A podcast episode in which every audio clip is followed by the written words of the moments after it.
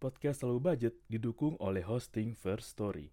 First Story adalah platform hosting yang lengkap, praktis, dan mudah digunakan untuk membuat, mendistribusikan, dan mengelola podcast kamu.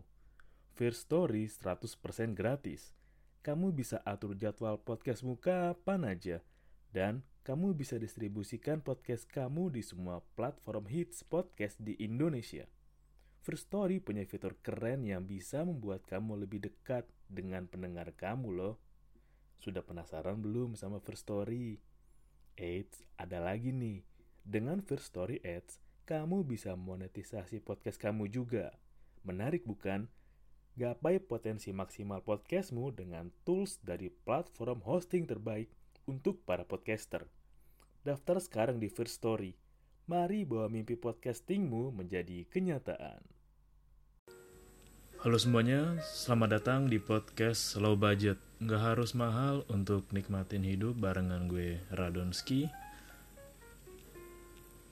Gue tahu ada beberapa orang yang nggak nyaman sama apa yang mau gue sampein.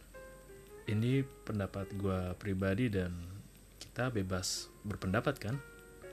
Beda pendapat bukan berarti kita bisa saling kenal atau kita bukan teman. Beda pendapat ya. Beda pendapat aja. Oke untuk teman-teman gue yang menjalankan puasa selamat menjalankan ibadah puasa. Semoga ibadahnya tetap berjalan lancar sampai hari lebaran nanti. Udah ada yang ngajak bukber belum? Bukber SD SMP SMA atau bukber teman kerja atau udah ada yang ngajak bukber gebetan lo ada yang ngajak? Atau lo ngajak gebetan tapi belum direspon? Emang sekarang masih ada bukber ya? Masih ada gak sih bukber sama pandemi ini? Kalau tahun lalu sih kayaknya bukber tuh hampir nggak ada deh setahu gue. Tapi kalau sekarang gue ya kurang tahu ada atau enggak ya kalau kita nengok ke belakang soal puasa ketika pandemi ya emang jujur gak enak banget sih. Yang namanya kebiasaan bukber terus protokol ketat di mana-mana. Wah itu emang gak asik banget. Ya kan dulu kita kan prokes ketat banget waktu jalan ibadah dan banyak banget orang-orang di luar sana yang harus ngerasain THR-nya dipotong lah atau dikurangin lah atau dibagi dua lah. Karena emang secara nggak langsung ekonomi di tahun 2020 wah nggak karu-karuan. Begitu begitu juga ya dengan sekarang. Ya pelan-pelan ekonomi belajar atau berusaha lagi untuk bangkit. Begitu pula juga dengan saudara-saudara kita yang kemarin sempat kena dampak akibat pandemi, semoga mereka dikuatkan dan diberikan kesabaran serta diberi jalan untuk bisa menyambung hidup diri mereka dan keluarga mereka. Oke, sekarang lanjut ke apa yang mau gue bahas. Karena di masa sekarang ya ketika lo bisa makan dua kali sehari bahkan tiga kali sehari itu bisa dibilang berkah dan nikmat banget. Kalau lo flashback kembali ke belakang, lo lihat kembali ke belakang, banyak banget kan yang kejadian yang terjadi nggak cuma dari ekonomi, terutama juga soal kebiasaan. Karena pas tahun lalu juga dari lo yang biasanya bisa makan enak ya seminggu sekali rutin ke mall atau ya sering pesan online tapi karena tiba-tiba lo ada pengurangan lah ada yang kena cut atau kena terdampak secara nggak langsung ya mau nggak mau kan lo juga harus adaptasi dengan kebiasaan yang baru. Yang biasanya makan di fast food sekarang mungkin makan di kaki lima atau yang makanan yang di pinggir jalan gak apa-apa gak masalah. Kayak menurut gue untuk sekarang memang lebih baik kalau kita beli makanan di orang-orang sekitar kita atau orang-orang yang dekat dengan kita. Kayak lo beli makanan di tetangga lo yang jual masakan lo order atau beli frozen food dari tetangga lo yang jualan. Ya sekali lagi dengan kita saling gotong royong ekonomi kita juga bisa terbantu dan pelan-pelan mulai bangkit satu sama lain. Lo dapat keuntungan karena lo membantu tetangga lo dan tetangga lu juga kebantu karena dagangannya lu bantu untuk laku. Kenapa gue pilih tema ada orang yang makan tapi disisain? Ini berangkat dari ketidaknyamanan gue dengan apa yang gue lihat pas gue lagi di tempat umum di acara-acara kondangan atau di acara-acara tertentu lah acara formal atau non formal kebiasaan banget banyak ya yang orang yang makan ya mungkin ngambilnya nggak banyak dan juga disisain. Dulu gue pernah denger atau ini juga pernah di, di, dilakuin sih uh, beberapa orang terdekat gue. Katanya kalau lo makan itu kalau bisa jangan sampai habis. Lo sisain lah sedikit karena katanya kalau lu makannya sampai habis ya lu artinya eh, nggak uh, sopan kan lu terlalu kelihatannya lapar banget kelihatan kayak apa ya kelihatan kayak pingin makan banget. Tapi kalau menurut gue pribadi di sekitar gue sih terutama keluarga gue diajarin ya ketika lo makan ya lo habisin aja. Lo ambil banyak ya lo habisin gue dari dulu emang sebisa mungkin diajarin untuk ngabisin apa yang gue makan dan kalau gue udah ngambil berarti gue harus tanggung jawab terhadap apa yang udah gue ambil. Dan gue sempat baca juga gue lupa di buku apa. Kayak di buku tentang spiritual deh kalau nggak salah. Kalau tahu buku psikologi gitu. Ya nyeritain bagaimana proses makanan yang di depan lu itu bisa ada atau proses bagaimana ya hidangan itu bisa ada di depan lo sekarang. Kalau lo mau lihat lebih jauh ya mungkin kelihatan sepele.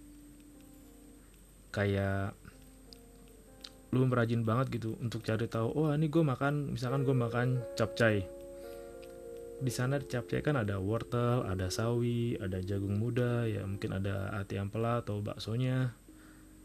Kalau lo mau lihat ke, narik ke belakang ya wortel ya sawi itu kan nggak bisa langsung ada. Mereka dari awalnya bibit mereka perlu ditanam. Ditanam juga tanahnya harus diberi pupuk disiram dirawat dihindarin dari hama. Dan juga butuh kesabaran juga kan dan butuh ketelatenan untuk bisa dari satu hal kecil kayak sawi itu dari proses bibit sampai tumbuh sampai dipanen dan bisa dijual dari petani. Ya mungkin kelihatannya ya lu, lu ngapain rajin banget sampai ngeliat ke sana. Tapi secara nggak langsung kalau lu ngeliat dari sudut pandang yang lain bumi itu udah baik banget sama kita. Asli. Bumi itu udah sayang gitu kayak oh yaudah lu tanam aja nih di gue. Nanti gue tumbuhin deh atau ya lo coba deh tanam ini nanti tumbuhnya ya gue coba bantu rawat ya dengan tadi ya dengan dikasih tanah yang subur gitu kan. Lo masih bisa ngerasain ya air hujan untuk gue rasa juga air hujan juga ya penting sih untuk menjaga tanaman itu tetap tumbuh subur dan ngilangin polusi yang ada di udara. Dan gue juga percaya kalau setiap bukan kalau deng ya setiap makanan yang ada di depan kita tuh kayak ya di capcay pun ada sawi wortel dan teman-temannya di setiap itu juga ada doa dan harapan dari para petani agar tanaman mereka bisa laku, tanaman mereka bisa dibeli dengan harga yang bagus. Ya, sehingga para petani ini bisa mencukupi kebutuhan untuk untuk Pak untuk Pak petani dan keluarga mereka. Ya syukur-syukur kelebihan itu bisa banyak dan bisa digunakan untuk kepentingan lain kayak untuk rumah untuk pendidikan anaknya atau ya simpanan. Banyak hal. Dan itu tadi sih gue ngerasa baru agak gak nyaman ya kayak terutama ketika pas lu lagi di kondangan deh. Ya emang sih ketika lu lagi di kondangan itu lo boleh makan yang banyak lo boleh ambil yang banyak lo bisa nyoba banyak makanan. Tapi kan bukan berarti makanannya bisa lo sisain. Entah karena ya lo mungkin oh udahlah gue lapar. Gue pikir gue lapar banget ternyata gue lapar biasa aja. Terus ya gue nggak sadar nih gue ngambil kebanyakan. Atau ya ternyata rasanya nggak sesuai ekspektasi gue. Ya mungkin bisa aja lu ngerasa kayak gitu. Tapi apa yang lo ambil itu kan itu udah rezeki lo kayak lo misalnya ngambil nasi dua centong ya centong nasi gitu ya artinya kan otak lu tuh udah ngatur gitu oh ya udah porsi makan gue dua centong ini nih. Terus misalkan lo ngambil lauk lagi di kondangan gitu lo ngambil lauk uh, misal ngambil soto ya udahlah gue ngambil soto lah segini. Itu kan bukan ini bukan lo sekedar ngambil kan pasti ada pertimbangannya. Dan ya kalau emang rasanya nggak sesuai ekspektasi ya udah nggak apa-apa. Daripada lu ngeluh apa yang lagi lo makan ya udah lu biasa aja makan dan bersyukur aja masih bisa ngerasain makan. Kayak lu makan oh mungkin sotonya asem. Ah asem sotonya asin keasinan. Wah bersyukur dong lu masih bisa ngerasa asin. Atau misalnya lu lagi ambil krecek nih. Wah kreceknya apaan nih? Rasa kreceknya agak-agak nggak enak di lidah gitu. Wah lo masih bersyukur dong karena lo bisa ngerasain rasa gak enak itu di lidah. Karena kalau lo nggak bisa ngerasain lidah lo nggak bisa ngerasain atau lidah lo udah sensornya nggak bener itu kan indikasi covid kan ya. Artinya lo nggak boleh ada di situ dan lo harus isolasi mandiri. Kayak gitu. Dan ya jangan dibuang-buang. Sedih juga sih. Kalau lo pernah gitu kan lo iseng-iseng pas lagi kondangan lo iseng aja ke dapur-dapur atau ke ibu-ibu yang masak di situ kalau nggak pakai catering. Lo bisa lihat deh pasti mereka jadiin kayak 2 sampai 3 jumbo bag untuk ya nampung sisaan sampah uh, sisaan makanan itu. Dua atau tiga jumbo bag itu kira-kira kalau pengalaman gue untuk acara-acara ya nikahan atau sunatan yang berlangsung dari jam 9 pagi sampai jam 5 sore lah. Bisa dapat dua jumbo bag sih.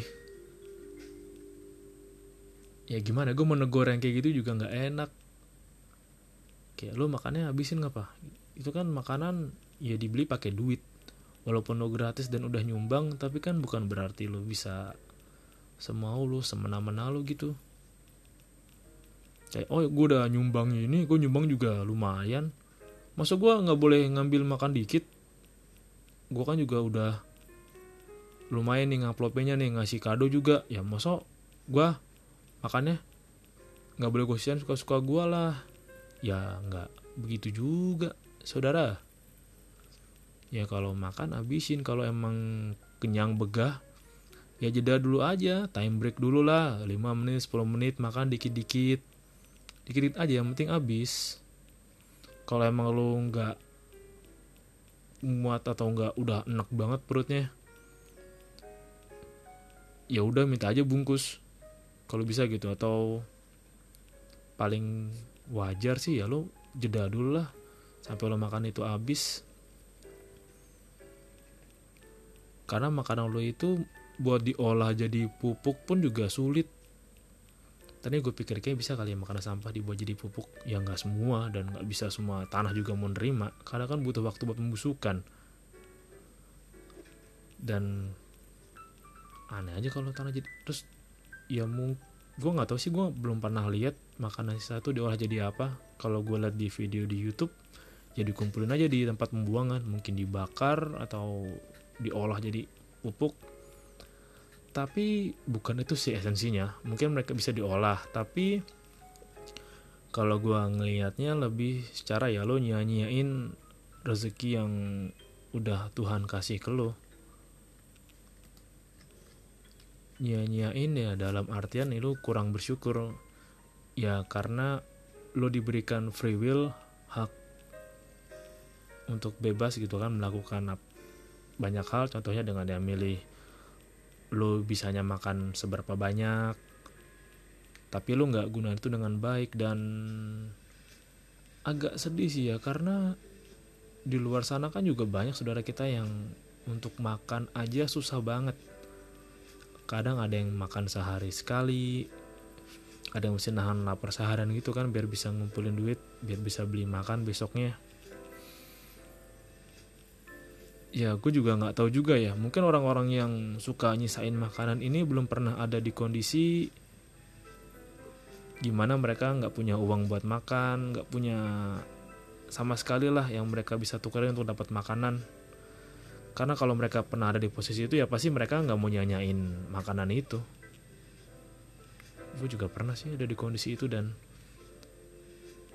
ya rasanya gak enak banget. Gue nggak bisa makan gue nggak punya duit sama sekali ya cuma punya beberapa untuk coba deh dijual aja deh buat gue beli makan. Itu gue juga pernah kayak gitu. Ya rasanya nggak nyaman dan ya makanya gue menghargain banget apa yang udah gue beli apa yang gue makan. Dan kalau emang gue nggak bisa habisin gue gue biasa sih ya gue minta maaf dulu sama diri gue ya karena biasa gue nggak habis makan juga karena makanan itu udah agak mau basi. Atau udah teksturnya udah beda agak lengket gitu.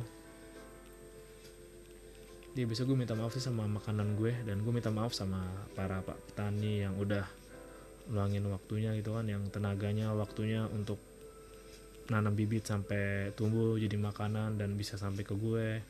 Ya para penjual juga para pedagang sayur yang berusaha ngambil itu kan yang berusaha mencari keuntungan dengan wah keuntungan ya mencari rezekinya dengan menjual bahan makanan.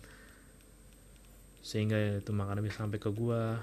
Dan ya sampai gak cuma petani sih itu juga. Kalau abang kurir atau grab kayak gue pesen gofood ya gue terima kasih banget sama abang yang udah mau bantu gua. Bantu gua menghilangkan rasa lapar gue gue order makanan gitu kan dibuatin sama chefnya di sana dimasakin dulu. Demi yang mereka bisa bekerja karena ada orderan gue mereka bisa kerja dan gue bisa ngebantu abang ojol untuk terima pesanan gue mereka juga dapat masukan dan gue juga dapat untungnya. Semua itu saling berkesinambungan kayak kayak ibarat rantai yang semuanya saling terhubung satu sama lain. Ya ketika rantai itu kayak kata rantai motor muternya nggak teratur entah karena rantainya kendor atau apa pasti lo ngerasa nggak nyaman gitu jalannya. Kayak perjalanan hidup ibarat lo naik motor yang ada rantainya gitu kan yang motor kopling atau motor bebek rantainya itu terisi dari bagaimana lo mm, ngobrol sama orang bagaimana lo membangun relasi sama orang, bagaimana lo bersikap kepada orang lain. Nah, ketika alur atau pola itu nggak berjalan dengan baik ya rantainya pun nggak lancar dan senat senut gitu. Ada ya mandek lah atau berebet lah. Kayak gitu sih kayak ibarat kata menjalani hidup ya kayak hidup ya kayak lo naik motor banyak komponennya yang motor lo tuh terdiri dari banyak hal terdiri dari cara lo merawat diri lu sendiri cara lu menjaga komunikasi dengan orang lain cara lu merawat hubungan cara lu memandang hidup kayak gimana banyak hal. Itu aja sih yang mau gue sampein di episode kali ini. Terima kasih yang udah dengerin podcast gue ya semoga ke depannya semakin berkurang lah orang-orang yang suka kalau makan itu nggak habis terutama di kondangan-kondangan. Dan semoga buat saudara-saudara kita yang masih struggle setiap hari, struggle di realita, di jalanan yang masih belum menemukan cara untuk menghasilkan uang yang lebih banyak, semoga mereka diberikan jalan dan aha momen supaya juga mereka kualitas hidupnya bisa meningkat pelan-pelan menjadi lebih baik dari sebelumnya. Terima kasih udah dengerin.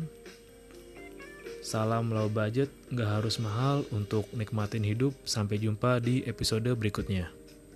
Terima kasih.